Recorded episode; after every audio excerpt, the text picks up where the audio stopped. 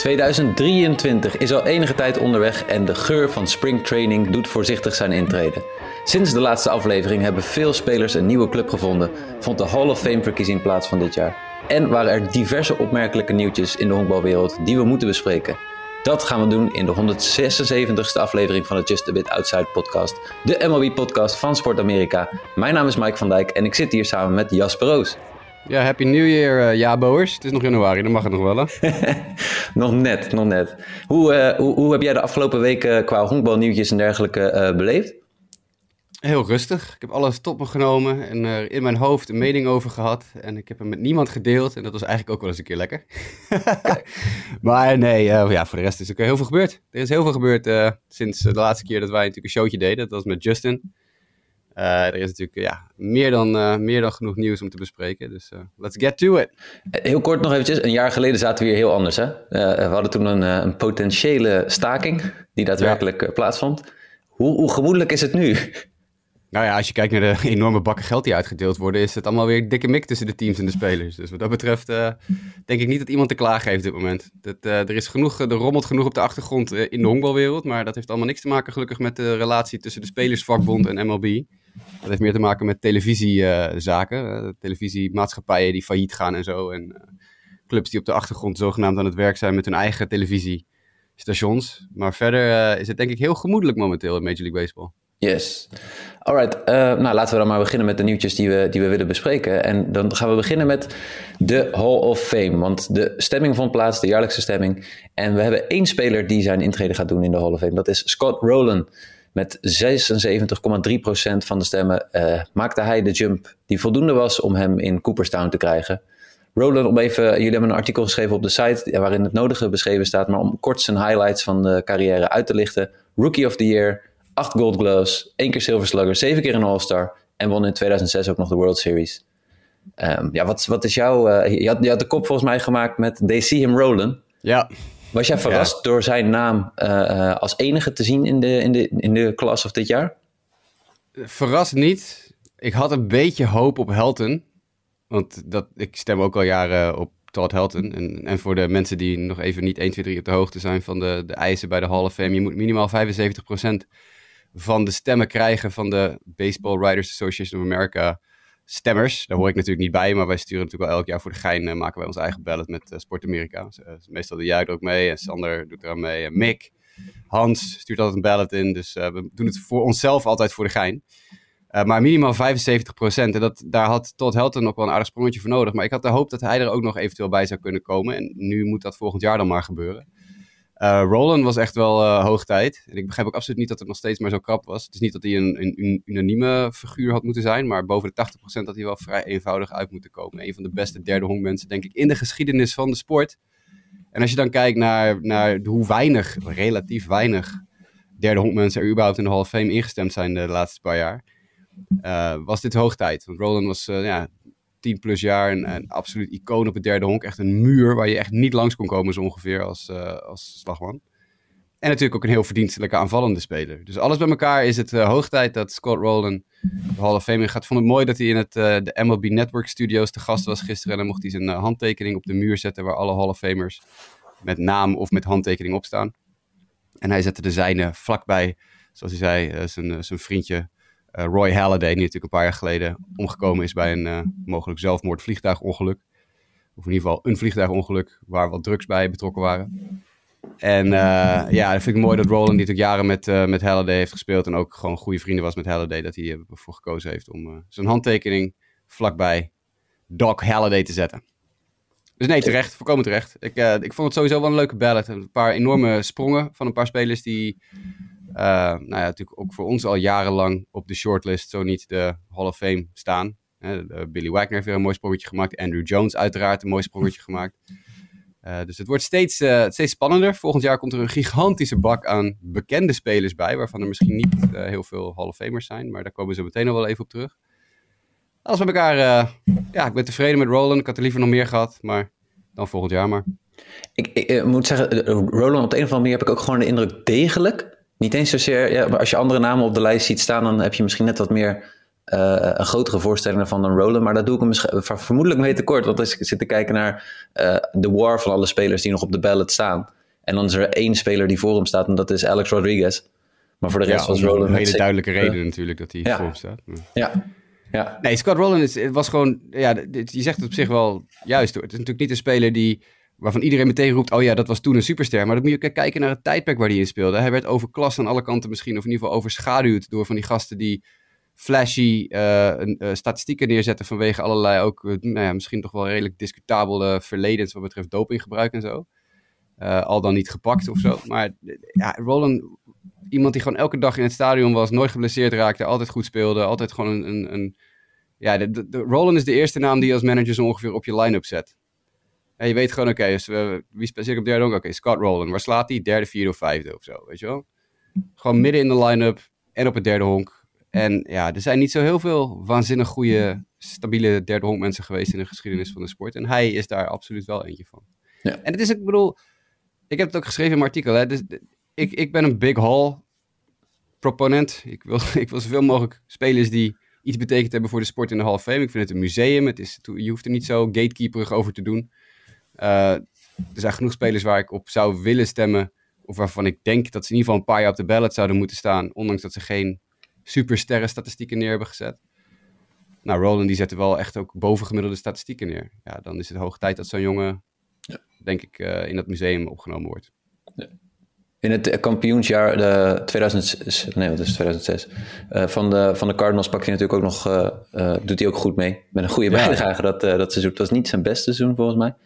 Maar, nee, maar goed, iemand, iemand gaat, niet, gaat niet zeven keer naar de All-Star Game. En nee. hebben de Rookie of the Year, acht Gold Gloves. We hebben het over Andrew die er tien wint en daarom de Hall of Fame in moet. Nou ja, ik bedoel, Roland heeft er acht. dus ik bedoel, waar hebben we het dan over? Ja, uh, maar dan gaan we ook even vooruitblikken op volgend jaar. Want nou, in ieder geval, hij is niet de enige uh, die uh, gehuldigd zou worden. Eerder werd al door de Contemporary Era Committee, als ik het goed benoem, Um, ja, we verzinnen elke keer weer een nieuwe naam voor die. Eh, Precies. in ieder geval, Fred McGriff werd er ook uh, uh, ja, toegevoegd aan, aan Cooperstown. Dus die zal daar ook aanwezig zijn om zijn plaket op te hangen en te vertonen. En um, twee mensen uit de mediawereld ook, Pat Hughes en oh, nog zo gozer. Pat Hughes is de legendarische longtime Cubs verslaggever. Dus die gaan ook allebei de Hall of Fame in. Alright. Um, volgend jaar komen er best veel namen bij om op te stemmen. Dat maakt het misschien wel wat lastiger om uh, de 75% te halen. Dat gaan we zien. Enkele namen, jij gaf het al aan in het, uh, in het artikel ook. Uh, Adrian Beltre, Joe Mauer, Chase Utley, David Wright, Bartolo Colon, Matt Holliday, Adrian Gonzalez, Jose Bautista, Jose Reyes, Victor Martinez, James Shields, Brandon Phillips. Dat zijn waarschijnlijk degenen die in ieder geval iets van een percentage van de stemmen zullen gaan opstrijken. Er zijn er nog meer die uh, worden toegevoegd aan de ja, ballot. Ja, worden in ieder geval, nou, ik denk dat dit, gaan, dit zullen de namen zijn die toegevoegd worden aan de ballot. Uh, er zijn er nog een stuk of 10, 15 jongens die ook uh, vijf jaar geleden met pensioen gingen en dus kwalificeren om mogelijk op de ballot te worden gezet. Maar ik denk niet dat ze op de ballot worden gezet. Ik denk namelijk bijvoorbeeld ook niet dat Brandon Phillips stemmen gaat krijgen. Maar ik denk, en joh, ik bedoel, het is een goede speler hoor, daar niet van. Maar hij gaat wel op de ballot gezet worden, denk ik. Ik denk dat zijn carrière lang genoeg geduurd heeft en dat hij genoeg gedaan heeft om in ieder geval één jaar op de ballot te mogen staan. Maar de, de, jongens als Jim Johnson, die ook technisch gezien kwalificeert, en Giovanni Gallardo en zo, ik denk niet dat die überhaupt op de ballot gezet worden. Nee, het, het gaat om een ballot, het gaat niet om een two-pager aan spelers. Nee, precies. het, is één, het is één blaadje, het is een x-aantal spelers die erop mogen staan. En er zijn natuurlijk nog best wel wat jongens van vorig jaar, uh, van, van dit jaar dus, die wel genoeg stemmen hebben gehaald om er nog een jaar op te mogen staan. Uh, die kun je niet zomaar er, eraf schuiven omdat er zoveel nieuwe spelers bij komen die erbij ze willen zetten. Hè. Ik bedoel, hoe je het ook bent of keert. Een, een Tory Hunter uh, keert gewoon terug volgend jaar op de ballot, ondanks dat hij maar 6,9% van de stemmen had. Maar ja, hij heeft meer dan 5% gehaald. Dus dan, dan mag je terugkomen. En datzelfde geldt in zekere mate. Ik bedoel, er is ook best wel een behoorlijke lijst die terugkomt. En Gary Sheffield volgend jaar gaat zijn laatste jaar in. Uh, zijn tiende jaar. Hij zit nu op 55%. Nou, Larry Walker maakte een sprong van 20% in zijn laatste jaar.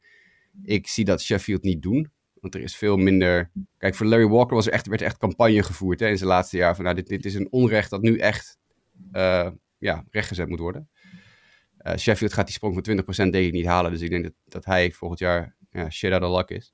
Bedoel, Carlos Beltran opent zijn eerste jaar met 46,5%. Nou, naarmate de jaren gaan verstrijken, denk ik dat Beltran ook nog wel een kans maakt om wat te gaan stijgen. Nu is iedereen nog heel erg met het, uh, het trashcan-schandaal bij de Astros in zijn hoofd, waar hij dan het, het meesterbrein achter was of zo.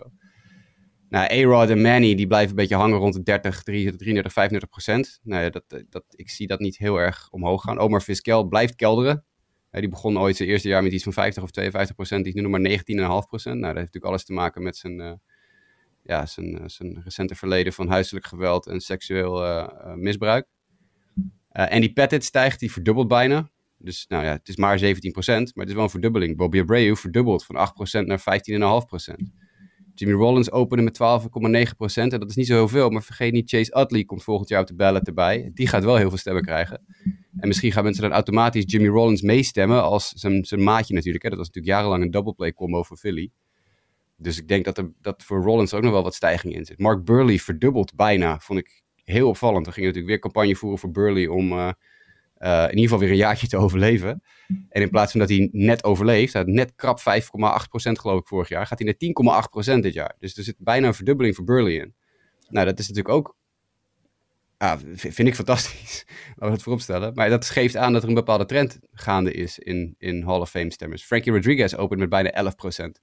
Nou ja, Rodriguez gaat denk ik de Hall of Fame niet halen. Maar ik denk dat hij wel de kans heeft om een paar jaar te overleven. Dus alleen die hele rij die ik net al noem met Tory Hunter natuurlijk ook al bij waar ik mee opende keren er volgend jaar gewoon 2, 4, 6, 8, 10, 12, 11, 11 of 12 mensen terug. Ja. Nou, dan, dan heb je niet heel veel ruimte om al die nieuwe namen die je net uh, uh, noemde, uh, toe te gaan voegen. Want ook ja. natuurlijk, hè, Held een keer terug, Andrew een keer terug, Billy Wagner een keer terug. Dus alles bij elkaar hebben we 15 of 16 namen die terugkomen. En daar komt dan die hele rij met Utley en al die andere gasten die je net noemt terug. Ja. Moeten we nog heel kort even zo stilstaan bij de namen, zeg maar, die dan wegvallen na dit jaar? Ja, je noemde net al een aantal. Nee, nee, precies. Nee, het, uh, ik denk dat als je kijkt naar de mensen die erbij komen volgend jaar, de enige waar ik echt meteen blindelings echt zonder twijfel op zou stemmen is Adrian Beltre. Adrian Beltre is een first ballot Hall of Famer wat mij betreft.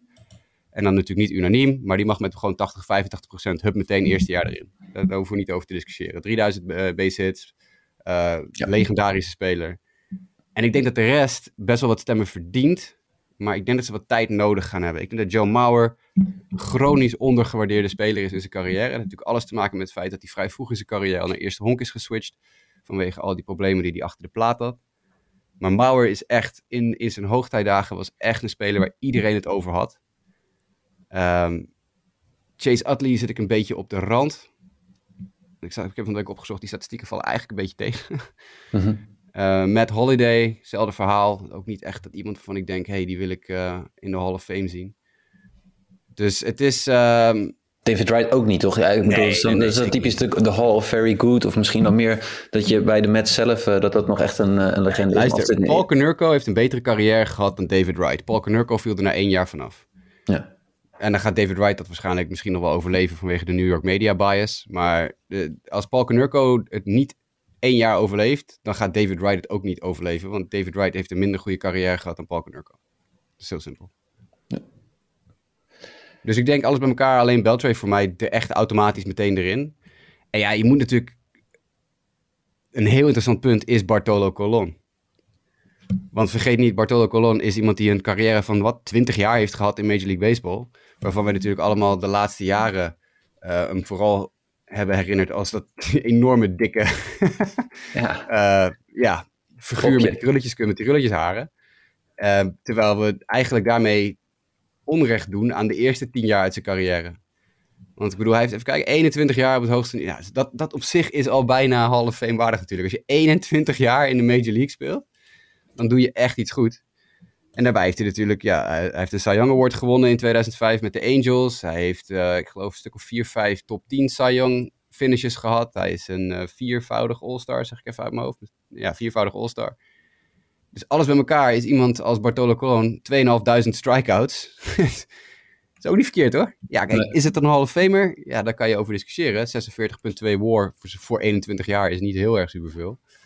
Maar is het een speler die in het museum zou moeten worden opgenomen alleen al vanwege het feit wie die is? ja, misschien wel. Ja, ik, ik, ik, ik, blijf het inderdaad een ontzettende cultheld vinden. En iedereen, uh, ik denk veel van de luisteraars uh, ook, waar ik aan moet denken in vergelijking van hè, de, de, de, lange duur van een carrière John, uh, hoe heet die, uh, Jamie Moyer? Ja, het is een goede vergelijking. Die ook echt, uh, maar die had natuurlijk wel mindere statistieken dan ja. Moyer, die dat, Moyer heeft, heeft nooit de league aangevoerd in iets. Nee. Moyer heeft wel vergelijkbare hoeveelheid war. Maar ik bedoel, die heeft drie top 6 Cy Young finishes gehad en één All-Star appearance. Ja. ja. Dat is niet heel veel. Hij, heeft, hij leidt ook de geschiedenis, een all-timer, een aantal home runs tegengekregen. Hij heeft 522 home runs tegengekregen in zijn carrière. Er is geen werper in de geschiedenis die meer uh, home runs tegen heeft gekregen dan Jamie Moyer. Die natuurlijk 25 jaar in de league speelde. Maar uh, de twee keer dat hij de league aanvoerde, heeft hij één keer gedaan in earned runs, met meeste earned runs tegen. dat is ook niet eentje waar je denk ik heel erg trots op moet zijn. En één keer in uh, win-loss percentage. En één keer in home runs. Dus het is, het is niet dat je denkt, het was, Jamie Moore was geen, geen goede, echt goede pitcher. Nee. Terwijl Colon natuurlijk in zijn Cy Young jaar 21 wedstrijden won. Uh, dat, is, dat is daar nooit bij in de buurt gekomen. Ik bedoel, uh, uh, Colon tweevoudig 20 game winner. meervoudig 18 game winner. Ik denk, heeft de league aangevoerd in shutout een keer. De league aangevoerd in complete games. 2003, 9 complete games voor Bartolo.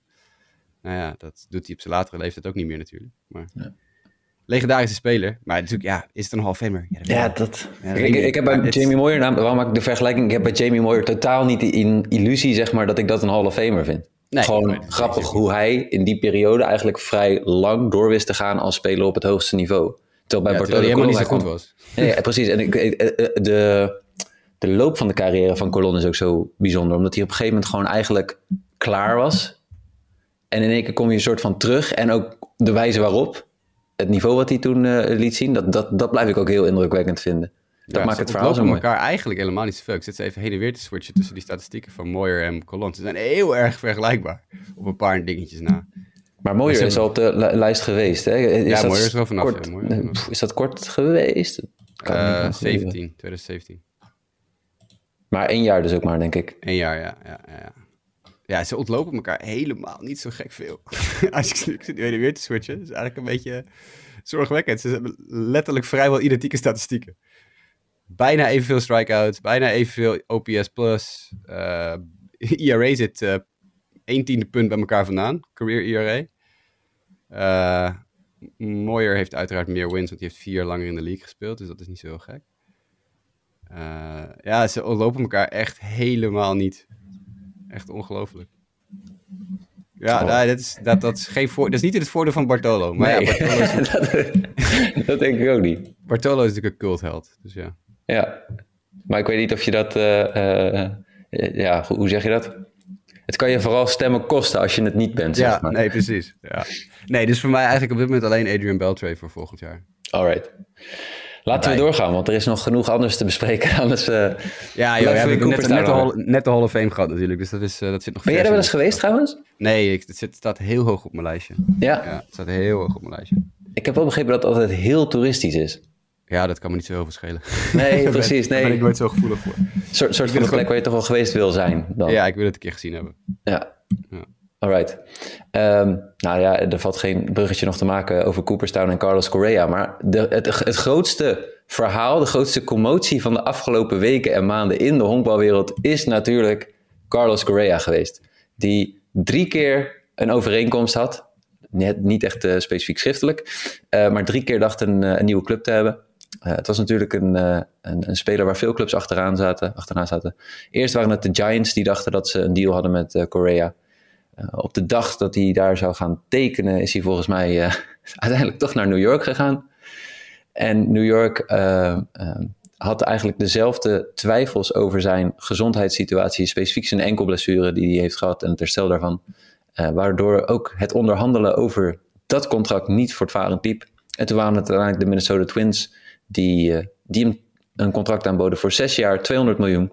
Dat is niet mals, maar dat is wel korter dan, ik geloof, de acht jaar die hij daarvoor had geboden. Heb jij het toevallig voor je staan? nee, ik heb het niet voor me. Ik zet nog even die naam van die arts op te zoeken. volgens mij was het dezelfde arts die ze bij de Giants hadden geraadpleegd als die ze bij de Mets hebben geraadpleegd. Dus dan krijg je natuurlijk hetzelfde oordeel.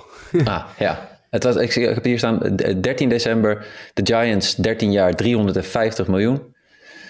24 december 21 december, de Mets 12 jaar 315 miljoen en uiteindelijk is het 6 jaar 200 miljoen. Nou ja, ik vind het nog steeds een behoorlijke investering, maar het is natuurlijk wel reet interessant om te kijken van oké, maar waar, waar is het nu zo dat, dat sommige artsen een enkel als risico zien en sommigen zeggen je bent voldoende fit genoeg voor dit contract.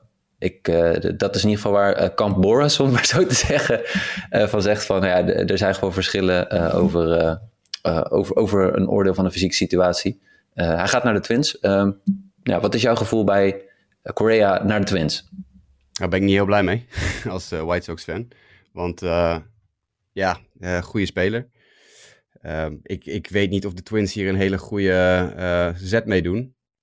Uh, het risico dat je loopt bij een speler met zo'n blessuregeschiedenis, uh, is dat je ja, heel veel geld stopt in een speler die uiteindelijk uit elkaar valt. En aan de andere kant kan je ook zeggen, de Twins kennen hem natuurlijk heel goed. Hij heeft er net een jaar gespeeld. Ze hebben natuurlijk zijn volledige medische dossier hebben ze al. Hoeven ze niet eens op te vragen. Ze hoeven geen second opinion te doen.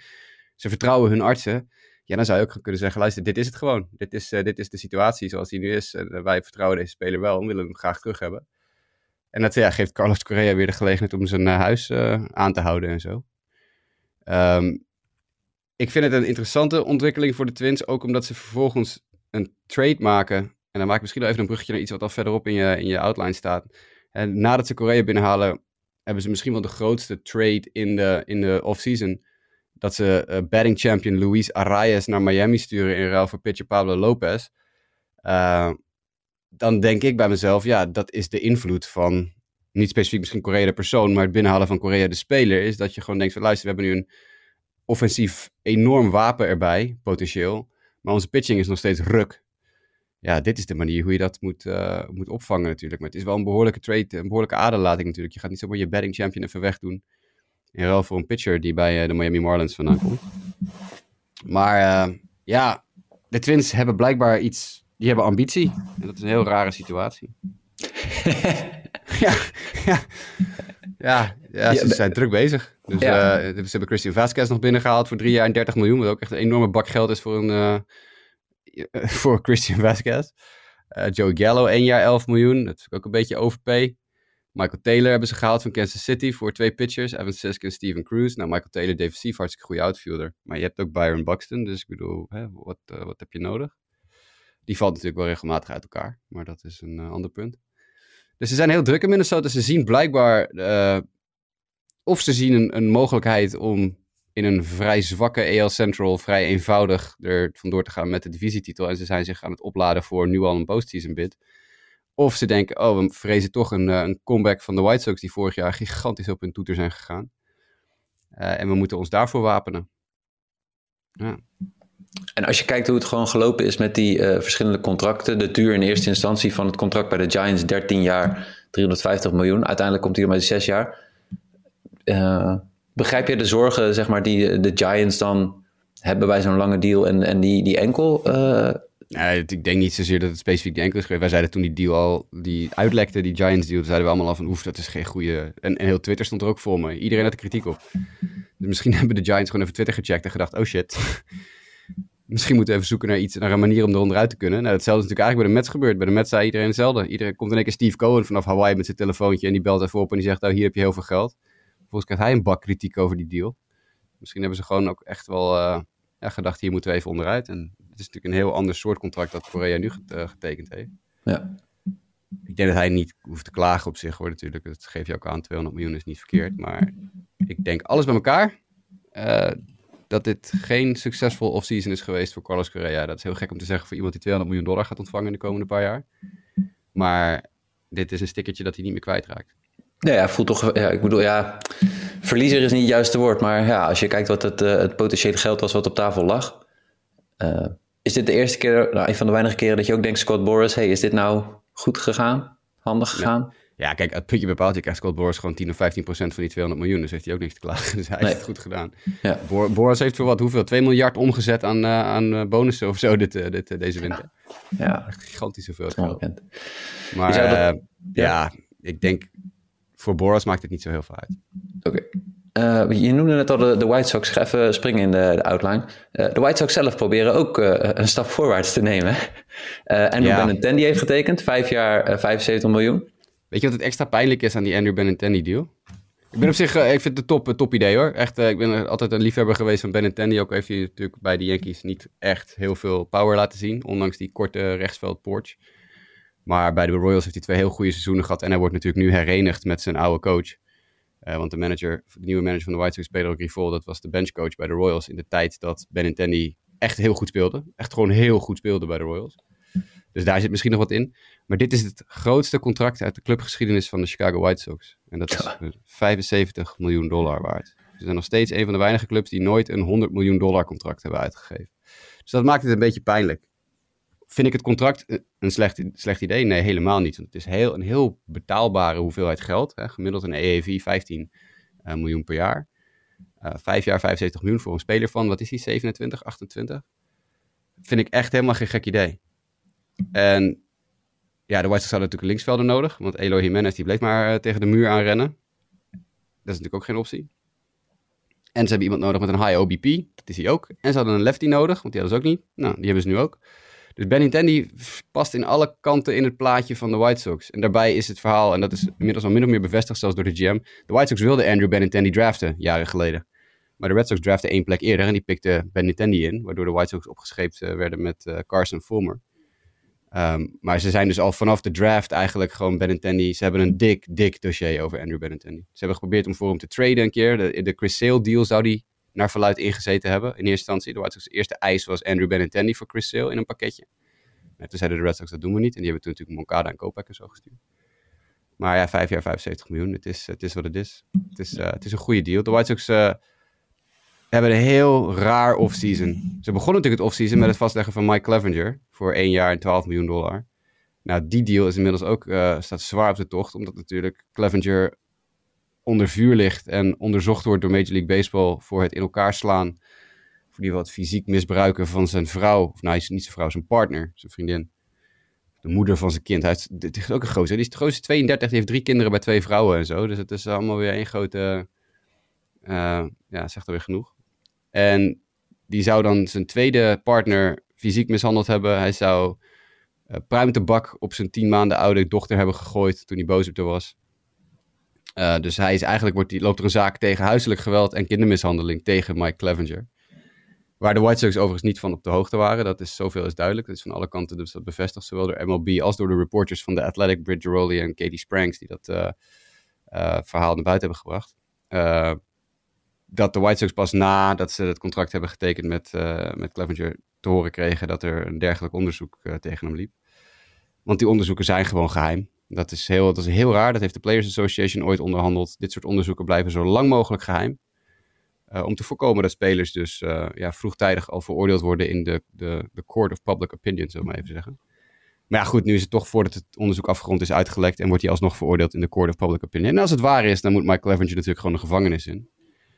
En als het niet waar is, dan is zijn carrière ook naar de kloten. Want het is een moeilijk stickertje om kwijt te raken. Ja.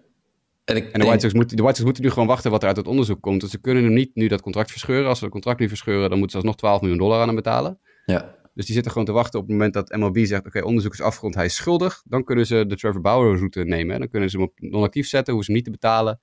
En dan laten ze dat contract gewoon uitlopen van een jaar. Ze zetten hem gewoon op de restricted list voor een jaar. En dan is het contract afgelopen en hebben ze hem niet betaald. Maar qua, dus, qua, qua stel dat hij schuldig bevonden uh, wordt, is... Een jaar. Ja, een jaar, ja? een jaar krijgt, ja. Ik bedoel, de, uh, had Ozuna een jaar?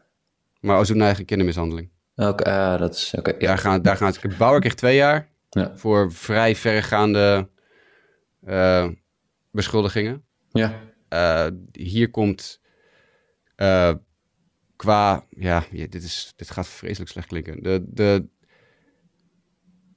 het geweld dat Bauer tegen mm -hmm. die vrouw heeft gebruikt, was vele malen zwaarder.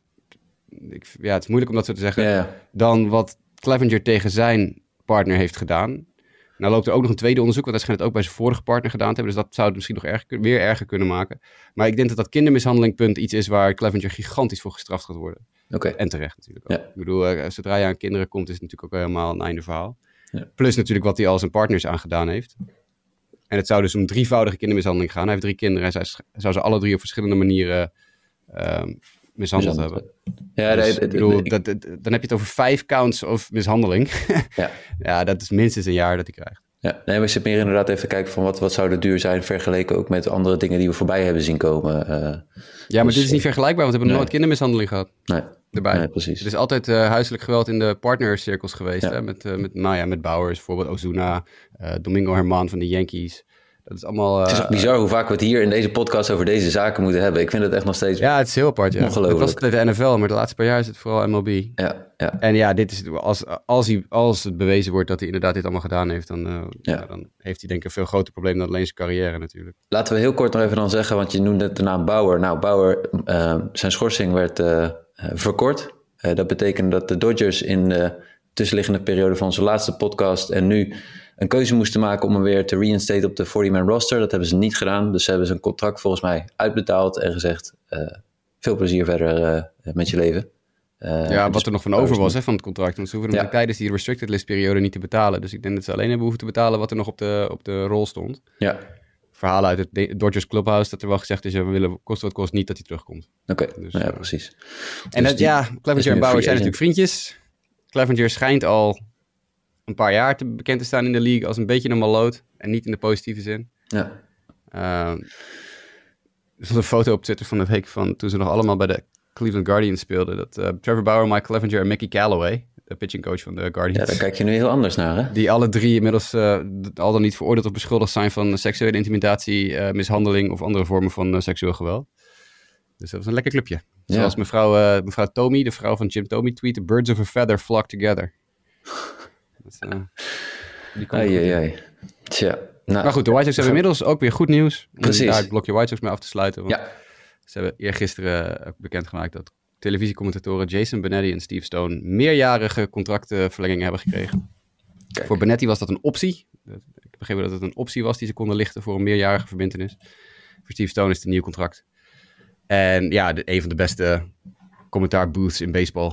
Eh, denk ik top, eh, top drie of top vijf denk ik in baseball als je kijkt naar de hele eh, linie. En het is vooral voor Benetti ontzettend belangrijk dat hij binnen de deur gehouden is. Want die is natuurlijk inmiddels letterlijk overal. Die heeft college football finals Ja. gedaan. Die, heeft, eh, die doet NBA March Madness, of NCAA March Madness. Die doet gewone basketbal, die doet college voetbal, die doet honkbal, die doet de, de Apple TV baseball on Saturday of Friday Night Baseball. Dat wordt geloof ik dit jaar zaterdag baseball, maar die doet hij ook allemaal al. Hij doet NBC Sports Sunday Morning Baseball. die is echt overal. Iedereen wil, wil wat van Jason Benetti, want het is gewoon een van de beste sportcommentatoren in Amerika. en dan ben ik heel- leuk. Ja. Ja, daar ben ik heel trots dat mijn, eh, mijn clubje hem eh, als, eh, gewoon als clubcommentator heeft binnen te houden. Binnengehaald. Dat vind ik mooi. Terecht. Ja. Heel kort, één ding wat me nog opviel met je, je zei het net aan het begin van het verhaal met Ben Tandy. Dus de White Sox hebben, is dit het grootste contract voor van de clubgeschiedenis? Mhm. Je ziet wel een verschil ontstaan tussen clubs steeds meer. Hè? Ook door de koopkracht van de Steve Cohen's en dergelijke. Ja. Maar ook, ja, neem de D-backs, die wagen zich dan één keer aan zo'n Greinke deal. Maar daarna zie je dat dus ook niet meer terug. En ik heb wel de indruk, we gaan het zo meteen nog hebben over wat de Oakland A's eh, weer hebben gecontracteerd. Dan zie je de bedragen daarbij. Het is wel echt groter aan het worden, het gat tussen zeg maar, de teams die gewoon niet bereid zijn langdurige deals aan te gaan met grote sommen geld. En sommigen die gewoon wel dat, die financiële klag, eh, slagkracht hebben en dat wel doen. Ja, eh, die zei? John, eh, ja, hoe zei John Middleton van de Philadelphia Phillies zit een paar jaar toen hij Bryce Harper contracteerde? Stupid money of zo? Ja, Ja, dit is, ja, eh, stupid money. Stupid money werkt vaak wel. ja, Er zijn een paar van die hele grote contracten waar we een paar jaar geleden van zeiden van nou, dat slaat toch nergens op. Het Machado-contract ziet er prima uit op dit moment voor San Diego. Het Bryce Harper-contract ziet er prima uit voor Philadelphia op dit moment. Dus ik vermoed ook dat het Aaron Judge-contract voor de Yankees er prima gaat uh, agen voor de Yankees. Dus wat dat betreft is er, uh, er is wat voor te zeggen. En er komt natuurlijk een bak geld binnen van heb ik jou er. Hè? MLB staat in de top 10 van, meest, uh, van merken in Amerika die commercieel gezien het meest in de lift zitten. Het is het enige, enige sportmerk dat in de top 10 staat. Ja. Dus de, de, de, MLB is momenteel bijna populairder dan ooit. Of verdient meer geld dan ooit, laat ik het zo zeggen. Ja. En met de komst van een eventuele nieuwe van een shake-up op het uh, televisielandschap. Hè, want uh, Bally Sports is failliet. Of in ieder geval de, de, het moederbedrijf van Bally Sports is failliet. En Bally heeft natuurlijk een jaar geleden zo ongeveer alle Fox Sports, de lokale Fox Sports locaties overgenomen. Uh, en doen het eigenlijk heel slecht. Want ik vind het verschrikkelijk om te kijken naar een Bally Sports uh, uitzending. Maar dat bedrijf is failliet. Dat betekent dus dat die clubs moeten gaan kijken naar of een ander contract. Of er moet een andere player in de market opstaan om die contracten over te nemen. Of Bally Sports gaat onder andere naam een doorstart maken of wat dan ook. Um, nee, die hebben vorige week voor bankruptcy gefiled. En dan, dan, ja, dan hoor je het ook alweer verhaal dat clubs ineens zelf gaan denken van... hé, hey, misschien moeten we maar een eigen netwerk starten. Kijk, bij de Cubs, die hebben een paar jaar geleden zo'n die Marquee Sports gestart. Een eigen televisienetwerk. En dat doet het eigenlijk na een vrij stroeve start best redelijk. Uh, dus inmiddels is er ook alweer gerucht dat bijvoorbeeld de White Sox aan het kijken zijn naar het starten van een eigen televisienetwerk. Ondanks dat natuurlijk ze nu bij NBC Sports zitten. En NBC Sports, een van de eigenaren van NBC Sports, is ook de eigenaar van de White Sox, Jerry Reinsdorf. Dus die heeft al eigenlijk een soort van zijn eigen televisienetwerk. Uh, maar dat er echt een puur alleen een sportnetwerk komt dat van de club de White Sox is. Ja, dat, er zijn meer clubs die daarover na aan denken zijn. Er komt natuurlijk zo verschrikkelijk veel geld binnen op basis van die televisiegelden. Dat, dat iedere, iedere speler die je haalt voor 300 miljoen, is, uh, ja, dat heb je er wel weer vrij snel uit hoor. Ja. Denk ik. Met je televisiegeld en je, en je dat soort dingen. Bij het uh, filen voor bankruptcy werd in ieder geval volgens mij als een van de redenen aangegeven. Gewoon nog steeds uh, teruglopende televisieabonnementen, geloof ik. Ja, maar dat is niet zo gek bij Bally Sports. Nee. en maar goed, in het verlengde daarvan heeft MLB ook inmiddels gezegd dat ze eindelijk gaan kijken naar die blackout restrictions van MLB TV. Ja. Want het is natuurlijk te gek voor woorden dat als je in Iowa woont, je van vijf of zes clubs niet de wedstrijden kan kijken, omdat je zogenaamd in, in, in blackout gebied voor al die clubs zit. Als je in Iowa woont, kan je geen White Sox Cubs, Cardinals, Brewers en Twins kijken. Ja, want hoe kan je dan ooit fan worden van een club in je buurt? Dat, dat is toch de, de, de, doodsteek voor honkbal als mensen uit een bepaalde staat van vijf clubs geen wedstrijden kunnen kijken. Omdat ze dan zogenaamd te dicht in de buurt wonen. Dus ja, ja het is wat dat betreft ook heel goed dat uh, Rob Manfred eindelijk gezegd heeft dat ze serieus aan het kijken zijn naar het uh, aanpassen van de blackout restrictions. Want dat roepen we al jaren natuurlijk. Waarom zou je in godsnaam je sport die je populair wil maken, ja, van, van dusdanig stringente uh, blackout restrictions voorzien? En dat je natuurlijk ook mee te maken. Wat was het nou ook weer met de playoffs? Ja, dat is inderdaad dat de internationale kijkers gaan blackout. Wat, waar ben je dan mee bezig? Wil je je sport laten groeien wereldwijd en dan gooi je een blackout op de internationale feed? Wat ben je dan een idioot? Waar mensen gewoon voor betaald hebben. Kijk, en ik snap in zoverre wel dat je zegt, oké, als je in Chicago zit, dan kan je niet via MLB TV de Cubs en de White Sox kijken. Want de Cubs en de White Sox verdienen ook geld met kijkers die gewoon naar hun gewone kanaal kijken. Hè? Dus inderdaad de mensen die een lid moeten zijn van Marquee om te kunnen kijken in Chicago, daar verdient Marquee zijn geld mee. Dat snap ik wel. Maar het kan niet zo zijn dat je in Iowa zit, of dit is nog zo'n Bermuda-driehoek ergens. Ik geloof in Nashville of zo, daar word je ook geloof ik door vijf of zes teams word je geblacked out. Ja, dat kan natuurlijk niet zo zijn. Dat is, dat is, Nashville, de, de, Tennessee heeft niet eens een honkbalclub. En dan ga je vijf Major League teams blackouten. Iowa heeft geen, honkbal, geen Major League honkbalclub. En dan ga je vijf andere Major League teams die in de buurt zitten. Ja, dat slaat gewoon echt nergens op. Dus dat, dat ze daar aan het kijken zijn is echt heel goed. Ja. Ik zit, er uh, lekker ik zit er lekker in vandaag, ja, Mike. Ik wil net zeggen, we proberen het ook nog even positief te houden. Maar ik denk, we gaan er even, nog heel even op door. Uh, wat hebben we verder? We hebben de, de Mets een uh, contract... Die hebben, de Mets hebben een speler een contractverlenging aangeboden. En oh, die heeft getekend. verwacht ja, het niet. Hoppa, er lag nog ergens 50 miljoen op de plank. Bam, Jeff McNeil, vier jaar, verlengd. Prima deal, goede deal voor de Mets. Ja. uitstekende speler voor hen, voor wat ze nodig hebben. Ja, en ja, dat, dat, het maakt hem ook nog wel enigszins tradable. Het is geen on ontradable contract. Nee, er zijn nog best wel teams in de markt voor een tweede hondman hoor. Dus, uh... Ja, ik geloof dat hij 30 is, maar ja, tot zijn 34ste. Ja, dan is dat best een. Uh, en echt niet zo heel veel geld. Dus. Nee, je noemde net al de, de trade tussen de Marlins en de Twins. Wil je het daar nog langer over hebben? Nee. Oké, okay, dan gaan we door. Uh, we hadden nog een, een bijzonder verhaal dat de Los Angeles Angels in de verkoop werden gezet aan het einde van uh, vorig seizoen. Uh, daar waren op een gegeven moment ook geïnteresseerden om dat uh, team, om die, uh, om die club te kopen. Maar toen is toch besloten dat de eigenaar, of tenminste de eigenaar kwam tot de conclusie, ja, ik ga toch niet verkopen. Oké, in wat voor situatie breng je dit nu als Mike Trout en überhaupt als, als de, de Angels? Van welke koers gaat deze organisatie nu op? Nou, het is volledig on-brand voor Artie Moreno, de huidige, huidige eigenaar van de LA Angels. Want die man die weet nooit wat hij wil.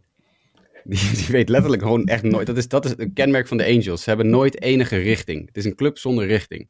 Een paar jaar geleden hebben ze een GM die zegt: Oké, we gaan pitching aanschaffen. Vervolgens hebben ze geen, geen hitting. Oké, we gaan hitting aanschaffen. Hebben ze een goede offense, maar nul pitching gehaald. Er is geen richting in deze club. En dit past daar weer naadloos in. hey, we gaan de club verkopen. En oh nee, toch maar niet. Dat, is, dat zijn gewoon de Angels. Ja. Nou, jammer, maar helaas. Dus dat blijft, daar verandert niet heel veel. Wel was er nieuws bij de divisiegenoot, de Houston Astros. Na afgelopen seizoen en op de GM afscheid, of is afscheid genomen van uh, meneer Klik. Uh, er is een nieuwe GM aangesteld inmiddels, dat is Dana Brown. de voormalig vice president scouting van de Atlanta Braves. Is het voor jou een bekende naam? Ja, want die gast heeft echt een heel goede draftgeschiedenis. Hij is niet uh, uh, alleen maar VP van de uh, scouting van de Braves geweest. Ehm, die man heeft een, track record van heb ik jou daar. als het aankomt op het draften van spelers. ik zat even snel te zoeken wat het ook alweer waren. van de week tweet iemand echt een lijstje met alle spelers waar Dana Brown verantwoordelijk voor is geweest om te draften. En dat zijn er echt veel. Dus laten we vooropstellen dat hij gewoon heel goed heel goed kan draften. Of in ieder geval een heel goede strategie heeft voor draften. Dus of hij ook een goede GM is, weet ik dan natuurlijk niet. Maar uh, als het op het ontwikkelen van jonge spelers aankomt, is die, uh, is die heel goed. Hij heeft gewerkt voor de Nationals en Expos. Dus eerst de Expos en later de Nationals. Uh, als director of scouting. Hij is special assistant to the GM geweest bij de Blue Jays voor bijna tien jaar. En toen is hij vier jaar bij de Braves president, vice president of scouting geweest. En vooral bij de Expos Nationals heeft hij echt een hele rij met fantastische spelers ook gedraft. En ook bij de Braves trouwens natuurlijk. Maar... Dus een hele goede zet. Slimme, slimme gozer. Uh, goed in zijn werk. Dus nee hoor, prima. Ik ben benieuwd wat hij uh, voor de Houston Astros met zich mee gaat brengen. zijn oude club, de Atlanta Braves, hebben het contract verlengd van Snitker, de manager. Dat is nu tot en met 2025. Ook oh, hier even, even tussendoor. Hij is bij de Braves alleen al verantwoordelijk voor het draften van Michael Harris, Spencer Strider, Von Grissom, Bryce Elder en Shea Langeliers. Dat, dat zijn, zijn allemaal op zijn konto voor de Braves. Dus uh, ja, heel goede talent-evaluator, zullen we zeggen.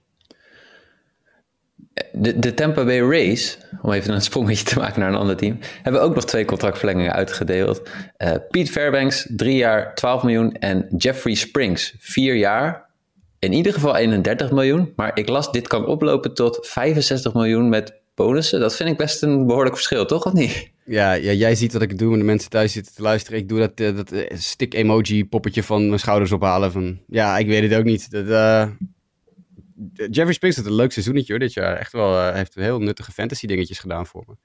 Maar dit, ja, de, de Rays weten het altijd beter dan ik. Dus wat dat betreft vertrouw ik ze maar. Ja, ik vind het zo grappig, zeg maar, dat je uh, incentive-driven dan denkt van, ja goed, als jij het heel goed doet, dan kan je hier ook best wel centjes verdienen. Maar... Ja, maar dat snap ik ook wel, want je hebt bijna geen track record voor Jeffrey Springs. Hij heeft één seizoen in de majors of zo erop zitten. Eén één goed seizoen, of degelijk seizoen. En het is gewoon, ja, wat dat betreft ook gewoon een interessante case study om te kijken van, oké, wij denken dat je het met... Uh, de juiste incentives ook wel gewoon voor elkaar kan krijgen om veel geld te verdienen. Maar we willen ook zeker weten dat dit niet een, uh, een Fata Morgana was dit jaar. Dus ja, I don't know. Alright. Uh, uh, dan was er nog een trade tussen de Baltimore Orioles en de Oakland Athletics. Cole Irvin, de werper, die gaat naar uh, Baltimore samen met Kyle Verbitsky. Zeg ik dat goed, Verbitsky? dat denk ik wel, ja. Dat zegt mij niet zoveel. En in ruil daarvoor gaat naar Oakland Daryl Hernandez. Ja, oké, okay, Ik heb begrepen dat het een interessant talent is, maar ik vind het nog best wel een... tenminste, Cole Irvin kan nog wel een nuttige werper worden, denk ik. In, uh, nou ja, en Baltimore, moet natuurlijk, die hebben vorig jaar echt een goed seizoen gemaakt, doorgemaakt. En die willen natuurlijk nu een stap vooruit zetten met al die jonge talenten. En dan is er voor een Cole Irvin wel, uh, wel plek. Ja, toch? Ja. ja.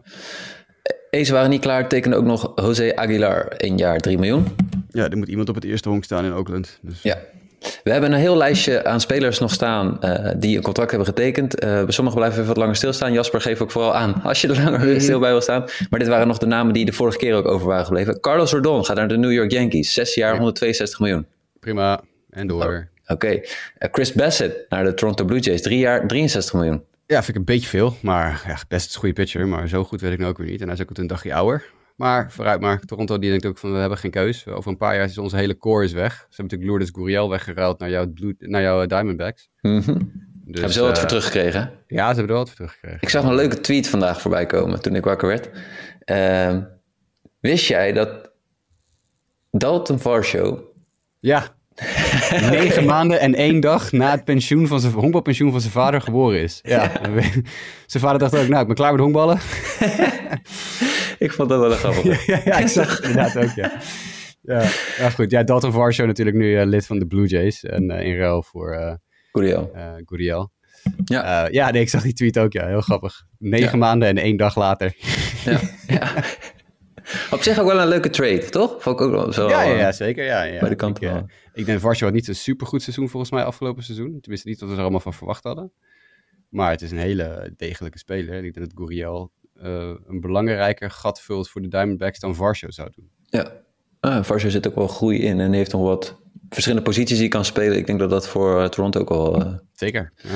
Kodai Senga heeft getekend bij de New York Mets. Vijf jaar, 75 miljoen. Het is hem gegund. Yes. Ik ben benieuwd hoor. Ik ben heel benieuwd. Ik wil hem gewoon zien. Ik, ik ben altijd gek op Japanse spelers of Koreaanse spelers die naar de majors komen. En kijken hoe dat eh, ons, eh, zich ontvouwt.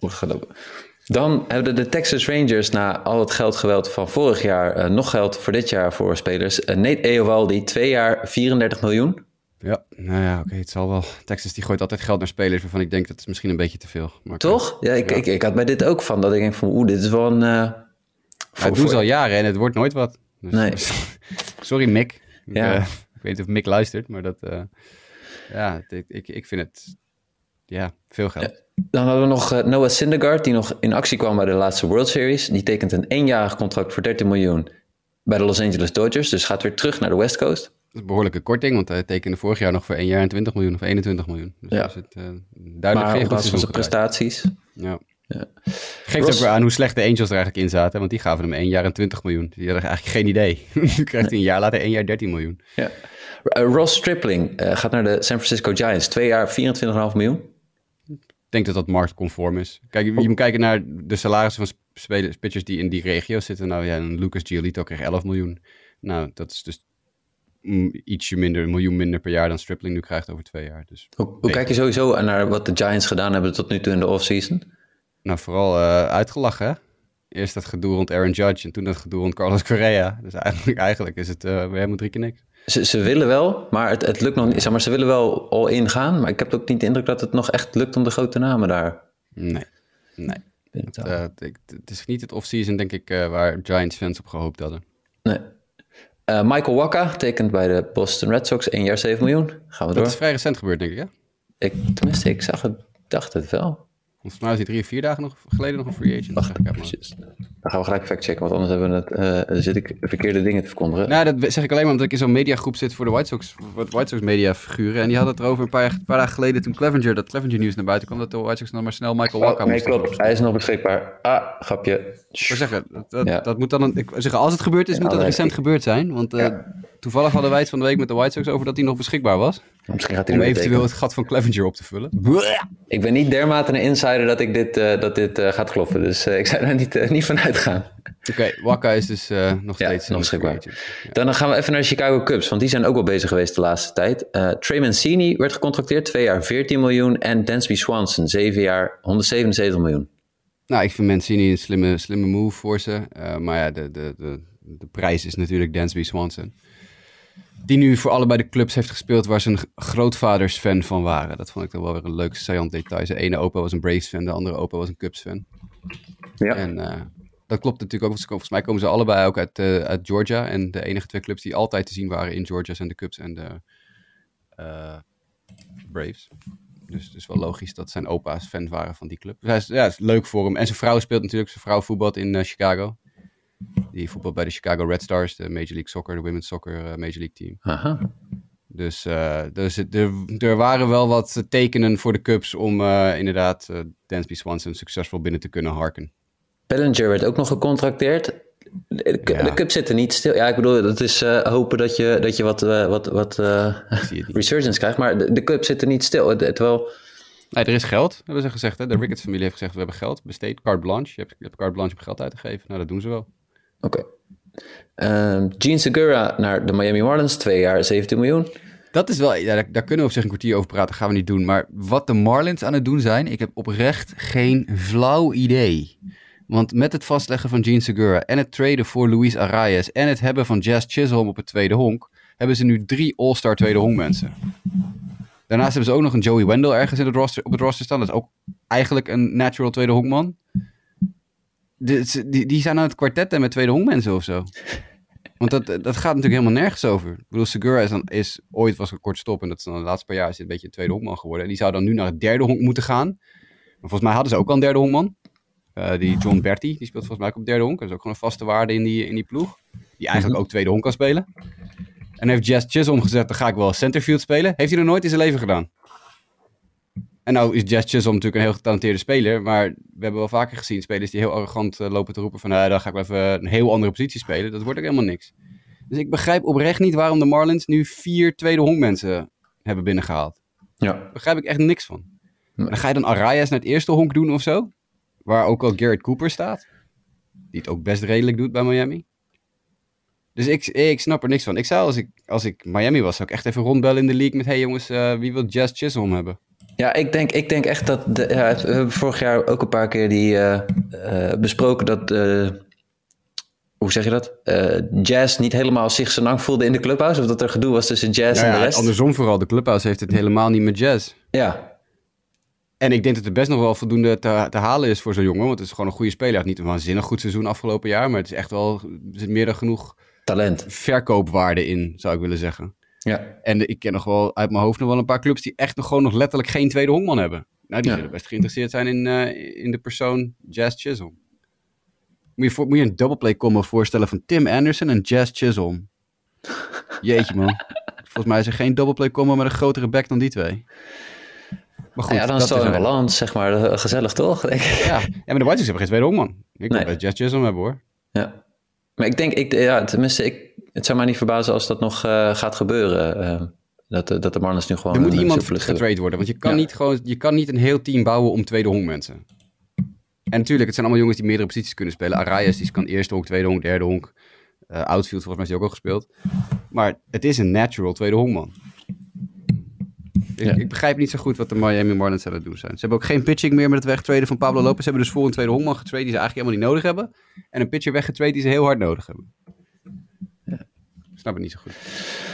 It happens. We houden een oogje op de Marlins om te kijken wat ze gaan doen. Eh, Adam Frazier tekende een eenjarige deal bij de Baltimore Orioles voor 8 miljoen. Mm. Justin Turner tekende voor twee jaar bij de Boston Red Sox. 21,7 miljoen. rare, rare eh, deal voor Boston. Snap helemaal niks van. Boston heeft ook echt een dramatisch offseason. Echt een dramatisch offseason. Hoe lang, hoe lang zit de GM er nog? Ik bedoel, de- Ja, de- de- niet lang. Die werd uitgejoeld vorige week joh, bij het fanfest. Ze hadden zo'n eh, zo'n fanconventie weer. Hè, dat je een heel weekend lang in een hotel eh, fans eh, langs kunnen komen. En dat er Q&A's zijn met spelers en, eh, en GM's en zo.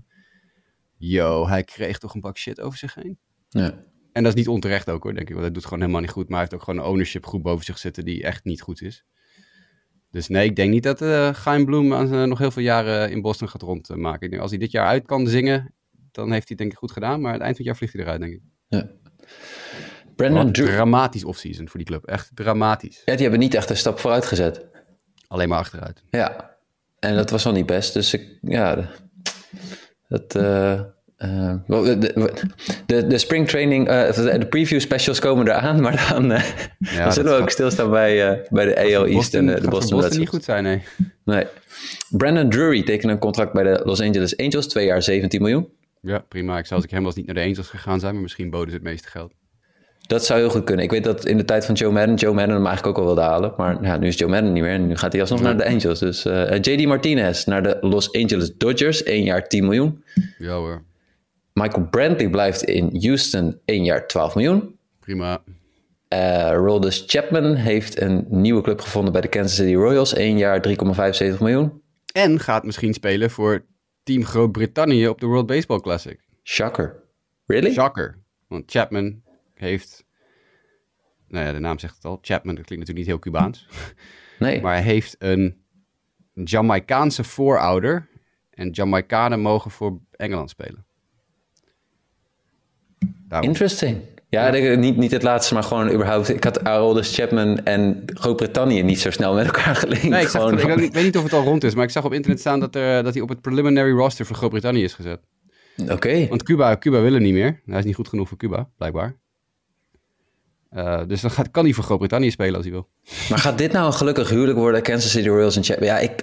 Nee, ik denk het ook niet. Maar wat moeten de Royals dan? Die hebben ook al echt een offseason van blah. Dus eh, Ik, ik, ik, weet niet. ja, zo, zo- Ja, goed. Ik ben ben benieuwd wat hij nog wil bereiken, zeg maar. eh, maar ja, misschien. gewoon- Kijk, het is bij heel veel clubs ook zo van op een gegeven moment als je niet genoeg season tickets verkoopt, dan koop je één heel bekende speler. En in dit geval, het is natuurlijk een, een schijntje, één jaar 3,5 Ja, miljoen. Dat Drie- dacht drie- ik ook. miljoen. Dus Ja. het, is, het is helemaal niks. Maar hij heeft ook natuurlijk een geschiedenis van domestic violence. Hij heeft dan een keer met een pistool lopen zwaaien. Hij heeft al een keer iemand geschoten volgens mij. Hij heeft iemand een keer geslagen. Ja. Dus het is ook net een beetje een figuur natuurlijk. Ja, ik weet niet. Misschien was het gewoon om uh, wat uh, butts in de seats te krijgen, zullen we maar zeggen. Ja, en kijk, vanuit, ik begrijp hem wel vanuit KC-perspectief. omdat ik denk van ja, je houdt een speler en als hij gewoon de eerste drie maanden top is, dan kan je hem gewoon nog ruilen en dan krijg je nog wat leuks voor terug. Dat is ook, ja. Je uh, maar ik, ik ben gewoon benieuwd van wat wil Aroldis Chapman nog? En kom je dan uit bij het bezielende team van de Royals om dan nog iets te gaan... Ja, goed, daar maak je het misschien ja, wel Met hoe, hoe, laat in het offseason Chapman tekende, denk ik dat er gewoon nog niet heel veel interesse was. Nee, nee precies. Uh, McCutcheon gaat terug naar waar het allemaal begonnen is. Pittsburgh Pirates, eenjarige deal, 5 miljoen. Dat is gewoon leuk. Prachtig. Ja, ja. is prachtig. Dat wordt, uh, wordt een mooi afscheid voor Andrew McCutcheon op deze manier. Dat is, uh, hij heeft een schitterende foto op zijn social media geplaatst ook uh, van zijn kamer waar al zijn awards staan die hij volgens mij allemaal gewonnen heeft in zijn tijd bij de Pirates. Zijn Silver Sluggers en zijn MVP's en zo. Mm -hmm. dus hij is een mooie foto van hem met zijn kind met al de prijzen omheen waar hij zei back to where it all began of iets in die geest. Ja, dat is mooi. Schitterend. Dus, denk op, oprecht ook wel een van de. Uh, kijk, in voetbal heb je natuurlijk bijvoorbeeld Leicester City gehad. En ik zeg niet dat hè, de Pirates hebben nooit de World Series gewonnen of iets dergelijks. Maar het feit dat de Pirates na zoveel jaren verliezen.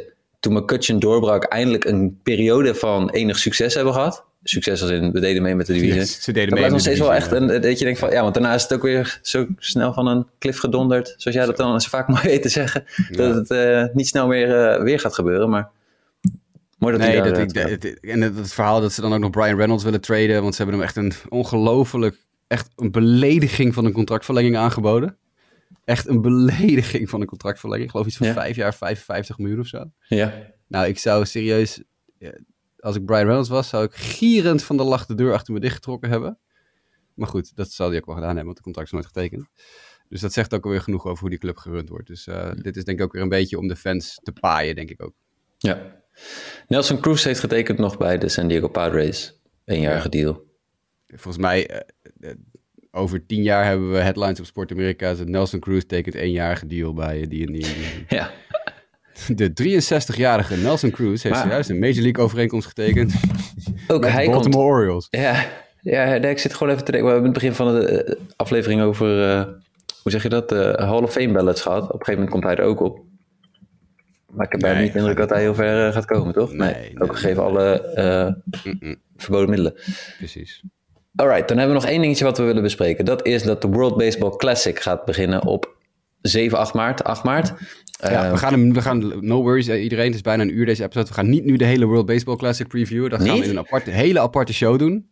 Eh, we, zijn, we zijn een hele aparte show het voorbereiden. We hebben gasten lined up voor die, voor die aflevering ook, waar we, ja, met wie we over de World Baseball Classic, als het goed is, gaan praten. Dus er komt een uitgebreide World Baseball Classic preview aan, zowel op de website, geschreven dingen, als podcastvorm. Dus World Baseball Classic to follow. Yes. Hier eh, eh, zeggen we alleen eh, dat Cuba-Nederland de openingswedstrijd is. Dat dat op 8 maart in de vroege ochtend om 5 uur vermoedelijk zal zijn. Voor zover wij konden opzoeken. Mhm. En dat Nederland ja, in een poeltje zit met Taiwan, Cuba, Italië, Panama. En dat we er ontzettend veel zin in hebben. Toch? Ik wel. Chinese Taipei, hè, moet je officieel zeggen. Sorry, Chinees Taipei. Ja, nou ja, ik wil, ik wil niet de, de toorn van de Chinese of de Taiwanese regering over me heen hebben. Ik zeg ook altijd Taiwan, maar we moeten officieel in dit, eh, in dit verband moeten we Chinese Taipei, Taipei zeggen. zeggen. In ieder geval, ik ben benieuwd hoe het, eh, het Kingdom team het gaat doen daar. Ja. leuke voorselectie wel. Eh, de voorselectie natuurlijk bekendgemaakt een aantal weken geleden, waar echt wel leuke spelers op staan. Natuurlijk nog een keertje de, de, de, vaste, de vaste gasten, hè? De, de Sander Bogaertsen en de Kenley Janssens en, en de Jurkson Provars en zo, noem ze maar op. Geen Ozzy Albies, want die is nog steeds geblesseerd. Natuurlijk een gebroken hand. En eh, ja, verder wat, wat, jonge, wat jonge gasten. De Palacios broertjes. Staan op het preliminary roster, vind ik mooi. Eh, jongens die ook eh, ver weg nog eh eh, Nederlands of Curaçaose invloeden hebben. Komen natuurlijk gewoon, zijn geboren en getogen in Brooklyn, geloof ik. Maar los daarvan, ze mogen voor Team Kingdom spelen. En wie was er nog meer? Oh, Pedro Stroop.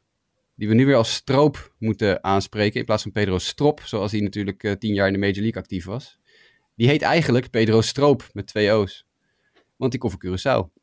Tenminste, hij komt van de Dominicaanse Republiek, maar zijn vader komt uit Curaçao. Dus die is uh, ook toegevoegd aan de selectie van het Kingdom Team. Dus uh, voor de mensen die denken, wie is Pedro Stroop met twee O's? Nou, dat is de ex-Cubs reliever Pedro Strop. Maar dan met zijn echte naam, namelijk met twee O's. Ik, met, met deze uh, spelers die je zo vertelt en ook een beetje weten wat er bij andere teams allemaal... Het, blijft een leuk, onvoorspelbaar toernooi. Ja, ik weet niet of dit het sterkste team is waar Kingdom ooit mee aangetreden is. Als ik heel eerlijk ben. wij waren met Sport Amerika afgelopen donderdag bij de, het persmoment in Amsterdam, waar Hensley Meulens ook was. waar ook de NOS en de Telegraaf en noem maar op allemaal waren. Daar hebben wij Mick van der Nat naartoe gestuurd voor Sport Amerika. Die schrijft dit weekend een uitgebreid artikel daarover op de website. Dus check dat ook even zeker als je geïnteresseerd bent in wat Hensley allemaal te vertellen had. Um, ik denk niet dat dit het sterkste team, kinderteam ooit is. Ik denk wel dat er wat leuke um, verrassingjes in kunnen zitten ik ben wel nieuwsgierig hoe, hoe, hoe nou ja, de Palacios broertjes bijvoorbeeld gaan doen. Of uh, ze dan, uh, hoe heet die, ze dan Rivela van de Red Sox. Ook wel een leuk speler. Dus ja, ik ben wel nieuwsgierig. Het is, ik moet nog even af, volgens mij de officiële selectie nog niet bekendgemaakt. Dus, dus het kan zijn dat er nog wat jongens afvallen. Maar ik ben wel benieuwd. Ik ben ook, zag het van de week, Cuba heeft Johan Moncada en Luis Robert toegevoegd aan het roster. de twee White Sox spelers. Dus dat is ook, ook een kleine kwaliteitsboost heeft dat team gekregen. En ja, Taiwan heb ik geen idee, als ik heel eerlijk ben, wat daar op het roster staat. Taipei. Uh, Italië komt natuurlijk altijd met een aardig team. Panama, er zullen ook wel een paar leuke spelers op staan, maar dat zal allemaal niet. Het zal wel, denk ik, tussen voornamelijk uh, Nederland, Cuba en misschien, misschien Taiwan gaan. Taipei.